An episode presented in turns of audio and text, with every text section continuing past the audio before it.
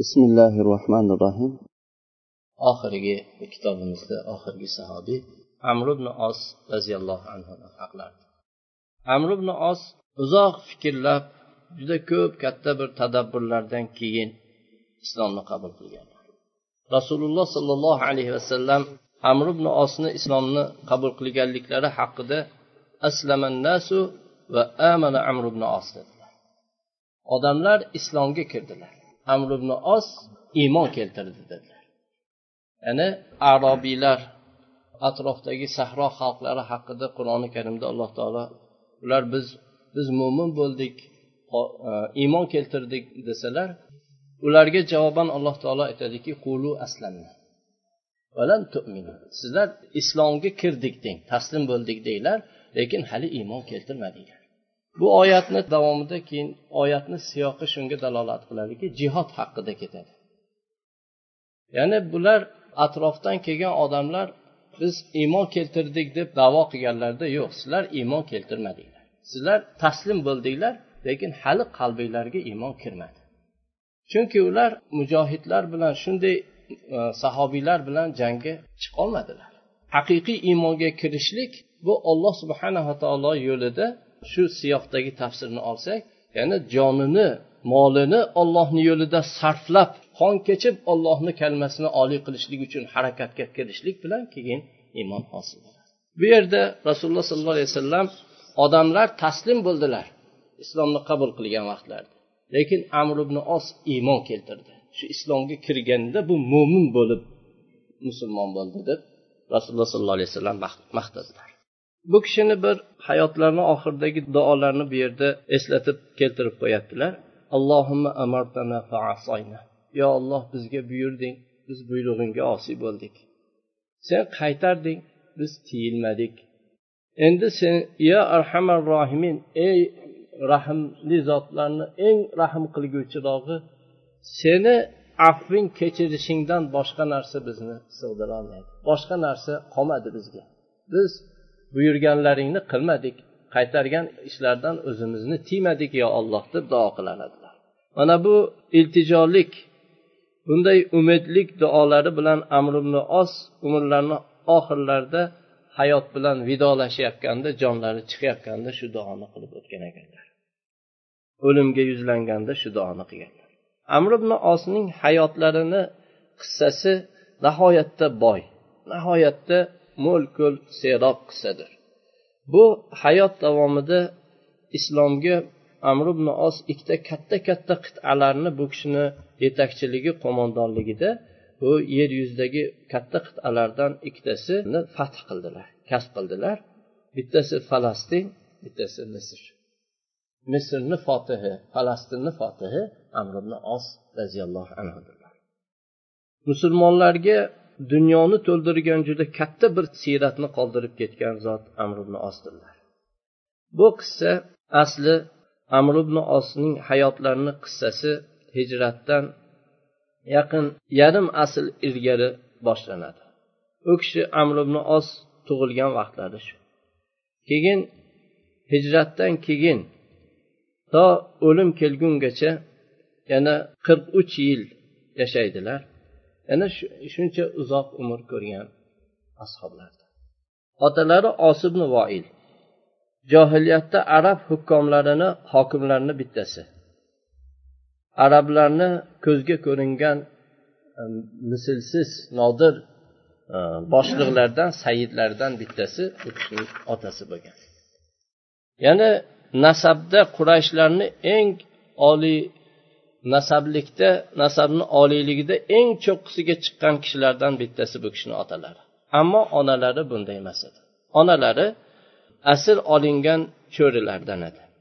Shuning uchun amr ibn os u kishiga ba'zi hasad qilgan odamlar onalarini zikrini e, keltiring deb u kishi masalan amirlik kursiysida o'tirgan vaqtda yoki xutbada minbarda turgan vaqtlarida shu minbarga chiqqan vaqtlarida u kishiga ko'rolmaydigan odamlar onalari haqida savol berib shunday qilganlar. Hatto u kishiga hasad qilganlarni bittasi bir odamni amr ibn osni oldiga borib u kishi minbarga chiqqan vaqtida onalari haqida so'rashlikka qiziqtirdi. Va shu ishni qilsang buncha beraman deb unga juda katta mablag'ni va'da qildi. Shu bilan u odamni ko'ndirdi. Bu odam amr ibn os xutba qilib turgan vaqtlarida turib aytdiki man ummul amir bu amirni onalari kim bo'lgan? deb amirni o'zidan so'radi. Shunda amr ibn os roziyallohu anhu juda siqildilar lekin o'zlaridagi halimlik sifatlari bilan himoyalanib u kishiga aytdilarki amirni onasi nobig'a bintu abdulloh dedilar. Johiliyatda arab nayzalari unga arab o'qlari unga tekkan. Keyin ukkoza bozorida qullar bozorida sotilgan dedilar. Onalarini shunday ta'rifladilar. Sotilgan. Uni abdulloh ibn judon bozorda sotib olib keyin uni osimni voilga ya'ni amr ibn osni otalari osimni voilga hadya qilib bergan ekan dedilar. Keyin unga shu e, farzandlar tug'ilib shundan shu farzandlarni ko'rgan ekan. Deb onalarini shunday minbarda turib shu xabarni berdilarda keyin qalbini hasad parchalab yurgan odamlarni bittasi seni pul bilan aldagan bo'lsa endi borib pulingni olaver savol bergan kishiga shunday dedilar. Mana shunaqa bir olloh subhanava taolo farosatni bergan ajib bir zakiy sahobiylardan bo'lgan. Musulmonlardan qattiq azoblanayotganlar islomni avvalida habasistonga hijrat qilgan vaqtlarida ya'ni qurayshni azobidan ularni g'azabidan qutulishlik uchun va habasistonda o'zlarini qavmlaridan qochib o'sha yerda bir bemalol dinlarida turishlik uchun qochib borgan vaqtda quraysh ularni makkaga qaytarib kelishlikni qasd qildi va ularga turlik turlik turlik azoblarni yana qaytadan boshlariga solishni qasd qilib ularni orqasidan odam yuborishlikni xohladi. Bu vazifani bajarishlikka amr ibn osni quraysh tanladi. Amr ibn os bilan najoshiyni o'rtasida qadimdan bir birini tanigan shu do'stlik bor edi. Keyin qurayshlar amr ibn osga najoshiy o'zi afzal ko'radigan xursand bo'ladigan najoshiyni lashkarboshilari xursand bo'ladigan hadyalarni tayyorlab u bilan birga yuborishdi. Amr ibn os najoshiyga kelgan vaqtda najoshiy uni yaxshi olqishlar aytib haqqiga duolar qilib kutib oldi. Unga aytdiki shunda najoshiyga qarab aytdiki bizni qavmimizdan ba'zilar ota bobolarni dinlariga kofir bo'lib o'zlariga yangi bir dinni ixtiro qildilar. Ya'ni bizni dinimizdan chiqib o'zlariga yangi bir din topib olgan odamlar qurayshlar shularni qavmlariga qaytarib yuborishligingizga sizdan ruxsat so'rab meni yuborishdi. Ularni dinlariga qaytarib keyin millatlarida e, o'zlarini asl millatlariga qaytarishlik uchun ularga qaytarib berasizmi shuni ruxsat so'rab meni yubordilar dedi. Shunda najoshiy jamoani chaqirib ulardan dinlari haqida ular yangi dinlangan bu dinlari haqida ular iymon keltirgan ilohlari haqida va ularga bu dinni olib kelgan payg'ambarlari haqida najoshiy so'radi. Ularni so'zlarini eshitdi. Ulardan eshitgan so'z najoshiyni qalbiga iymon xotirjamlikni to'ldirdi. Va bu musulmonlarni aqidalaridan bularga qattiq bog'lanib muhabbat qilib dinlariga iymon keltirishlikni qalbiga to'ldirgan so'zni ulardan eshitdi. Keyin najoshiy bu musulmonlarni amr ibn osga berishlikdan tamoman bosh tortdi va olib kelgan hadyalarni sovg'alarni qaytarib berdi. Amr ibn os makkaga qaytishlikni qasd qilgan vaqtda najoshiy unga dediki ey amr dedi. Men seni bilgan bu buncha aqli zakovating bilan uncha fikringni o'tkirligi bilan bu muhammad sallallohu alayhi vasallamni ishlari sendan buncha uzoq bo'lganligiga men ajablanyapman allohga qasamki u kishi haqiqatdan xossatan sizlarga va odamlarni hammasiga ollohni haq payg'ambaridir shunda amir najoshiyga qarab aytdiki ey podsho sen shunday deysanmi? dedi. Najoshiy ha ollohga qasamki ey amir menga itoat qil.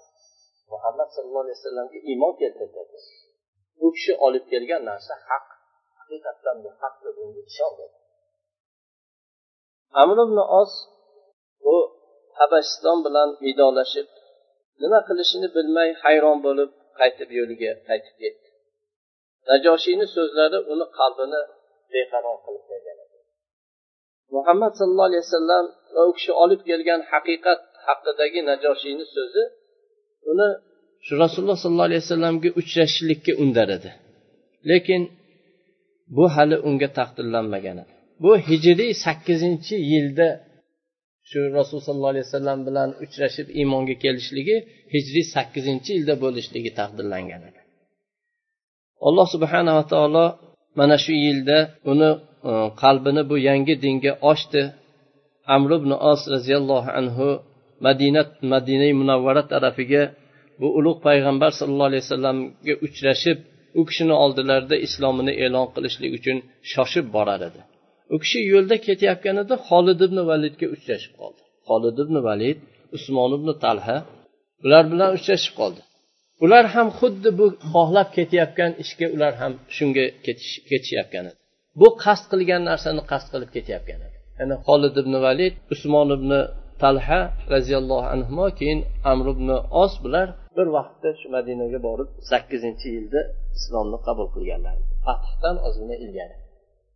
Ularga bu ikkalalariga qo'shilib keyin uchalalari madinaga qarab ketdilar. Rasululloh sollallohu alayhi vasallamni oldilariga borib rasululloh sollallohu alayhi vasallam bilan har birlari holid ibn valid usmon ibn talha amr ibn os bayat qildilar. Bu ikkalalari bayat qildilar. Keyin rasululloh sollallohu alayhi vasallam qo'llarini amirga uzatdilar. Endi amir bilan ham bayat qilishlik uchun amr ibn osga qo'llarini uzatuvdilar. Amr ibn os qo'lini payg'ambar sallallohu alayhi vasallamdan tortdi. Qo'lini bermadi u kishi bayatga. Rasululloh sollallohu alayhi vasallam ey amir nima bo'ldi senga dedilar. Shunda aytdiki ya rasululloh dedi. Meni o'tgan gunohlarimni kechirilsa keyin bayat qilaman dedi. Men shuncha islomga qarshi musulmonlarga qarshi shuncha jinoyatlar qildim dedi. Buncha ma'siyat gunohlarga giriftor bo'ldim. Bular kechirilsa bayat qilaman dedi. Shunda rasululloh sollallohu alayhi vasallam aytdilarki islom hijrat o'zidan oldingilarni kechadi dedilar. Kesadi dedilar. Shunda amr ibn os bayat qildilar. Lekin bu hodisa amr ibn osni qalblarida juda qattiq ta'sir qoldirdi. U kishi aytadilarki rasululloh sollallohu alayhi vasallamga hech to'yib qaray olmadim hatto rasululloh sollallohu alayhi vasallam dunyodan vafot etib o'tgunlarigacha rasululloh sollallohu alayhi vasallamga yuzlariga qaray olmadim dedilar. Rasululloh sollallohu alayhi vasallam amr ibn osga bu nubuvvat nuri bilan qaragan edilar. Va amr ibn osda bo'lgan u kishini hislatlarini topilmas toqatlarini qobiliyatlarini u kishi bildilar. Va amr ibn osni bu zoti salosil jangida musulmonlar qo'shiniga u kishini amir qildilar. Askarni u avvalda islomga kirgan ashoblar ansorlar muhojirlar bo'lishiga qaramasdan amr ibn osni rasululloh sollallohu alayhi vasallam amir qildilar. Alloh subhanava taolo o'zini payg'ambari sollallohu alayhi vasallamni o'ziga ixtiyor qilib olgan vaqtda xalifa xilofat abu bakr siddiq roziyallohu anhuga o'tganda amr ibn os murtadlik janglarida nihoyatda chiroyli bir jasorat ko'rsatib sinaldilar. Amr ibn os fitnaga bu abu bakr siddiq roziyallohu anhuning u kishini qat'iyatini eslatadigan shu qat'iyat bilan fitnaga amr ibn os shunday shoshildilar. Amr ibn os bani omirni oldiga bordilar. Ularning boshlig'i qurrat ibn hubayra edi. U ham murtad bo'lishlikni xohlab turgan edi uni oldiga bordilar. Aytdiki ey amir dedi. Arablar bu sizlar odamlarga solib qo'ygan mana bu soliqdan xursand bo'lmayaptilar dedi. Ya'ni zakotni qasd qilib shunday dedi. Bu zakot bizga yoqmayapti dedi. Agar bu zakotdan bizni ozod qilib qo'ysanglar hamma sizlarga quloq soladi va itoat qiladi. Agar yo'q desanglar bugundan keyin sizga arablar jamlanmaydi dedi. Shunda amir bani omirning bu boshlig'iga baqirdilar. Yaramas ey holingga voy bo'lsin dedilar. Ey qurra sen kofir bo'lib keyin arablarni murtad bo'lishligi bilan meni qo'rqitasanmi dedilar. Ollohga qasamki senga shu onangni uyida turganingda seni ustingga askar bilan bostirib kiraman dedilar. Abu bakr siddiq roziyallohu anhu dunyodan o'tganlarida xilofat amirlik umar ibn xattob roziyallohu anhuni qo'llariga o'tdi. Amr ibn osni qo'llarida alloh subhanava taolo bir shahardan keyin bir shahar qilib hatto falastin sohillarini hammasini olloh fath qilib berdi. Rum askarlari qo'shinma qo'shin hammasi mag'lubiyatga uchradi. Keyin baytul maqdis oxirida shu baytul maqdisni qamal qilishlikka bordilar. Amr ibn os bu qamalni juda ham qattiq mahkam ushlab turdilar.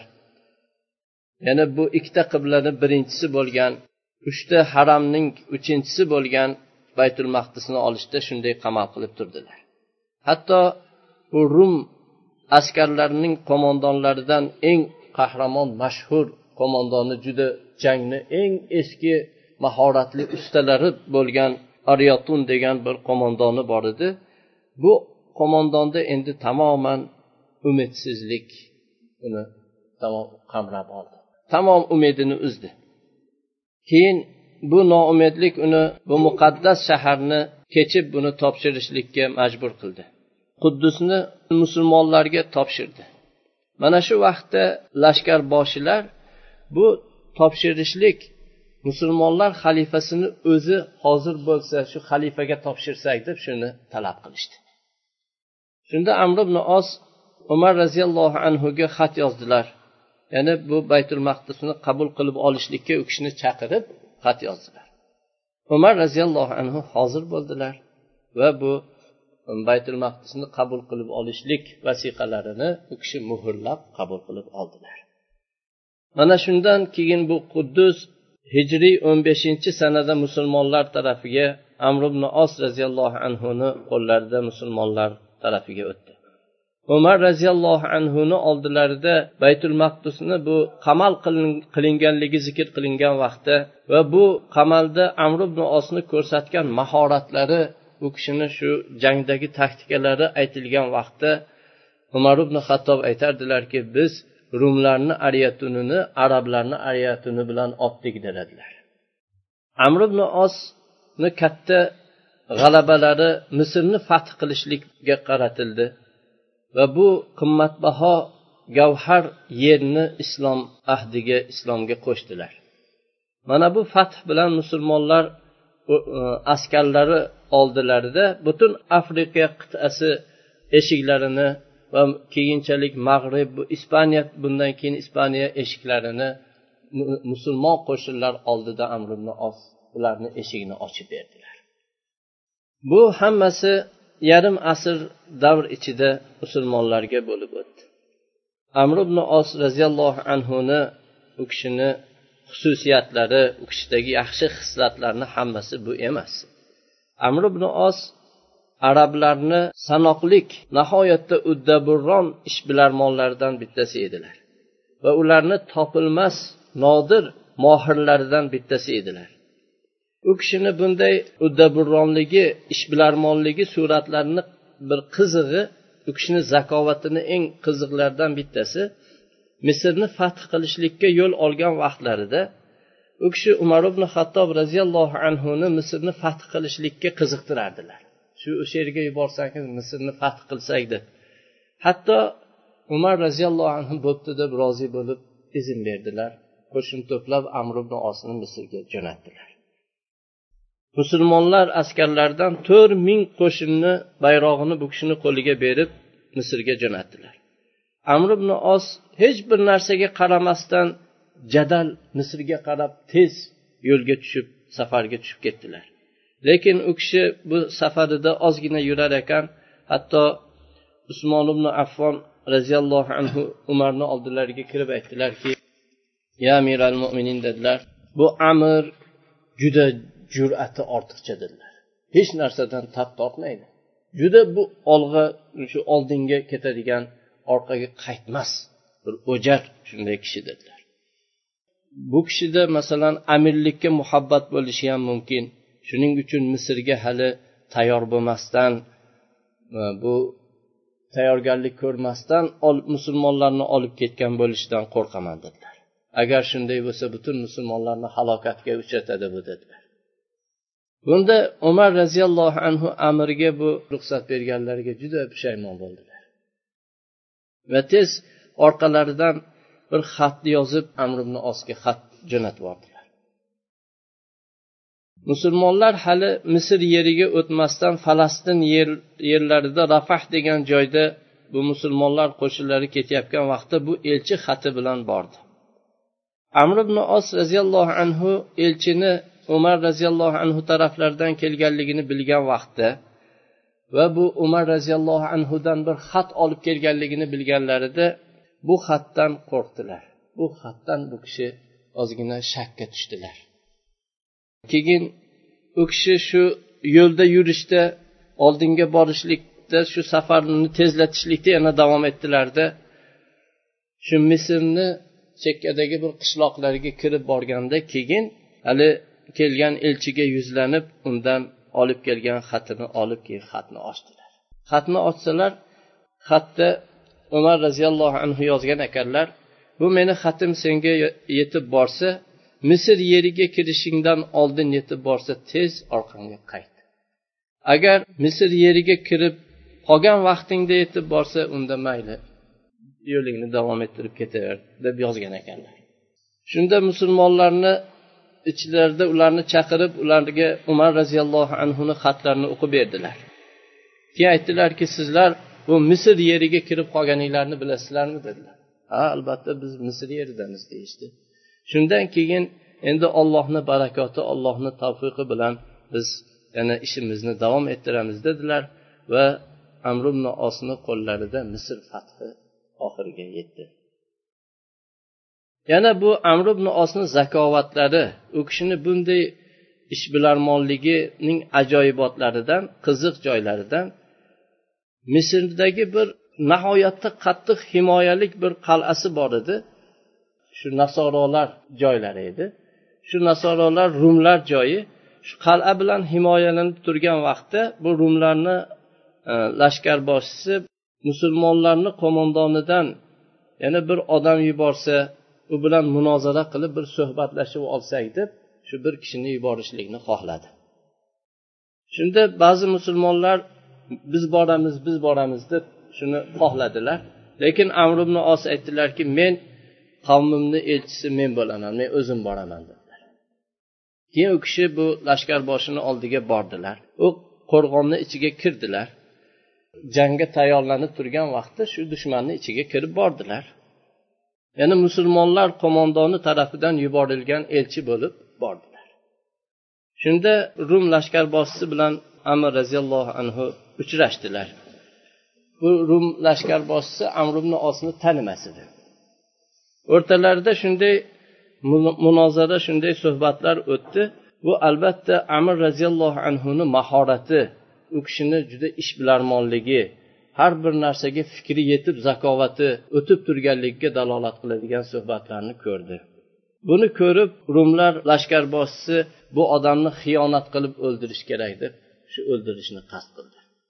Keyin o'zini qo'rg'onni qo'riqlab turganlarni shu oxirgi qo'riqlab turganlarga aytdiki bu shu qo'rg'ondan chiqishiga o'ldirib yuboringlar buni dedi va bu kishiga juda qimmatbaho bir sovg'a berdi. Bu sanga mendan deb berdi amir roziyallohu anhu qo'rg'ondan chiqishda askarlarni harakatida shubhalik yurishlarini u kishi payqab qoldida meni ishim chala qolibdi bu lashkarboshida yana gapim bordi. Bu kishi orqaga qaytdi. Yana qaytib rumlarni lashkarboshisini oldiga bordi. Bu kishi aytdilarki sen menga bergan ey sayyid ey xo'jayin dedilar. Ey ulug' kishi bu seni bergan hadyang meni amakivachchalarimni hammasiga yetmaydi dedi. Juda ajoyib yaxshi hadyani berding hammaga yetmaydi.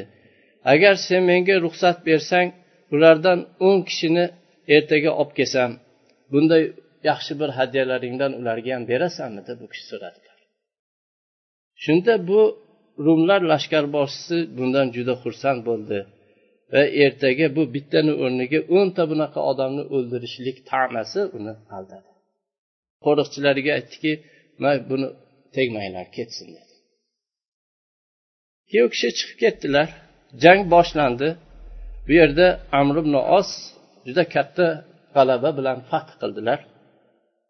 Misr fath qilingan vaqtda misrni musulmonlarga topshirayotgan vaqtda bu rumlarning lashkarboshisi amr ibn os bilan yana uchrashdi. Uchrashib dahshatga tushdi.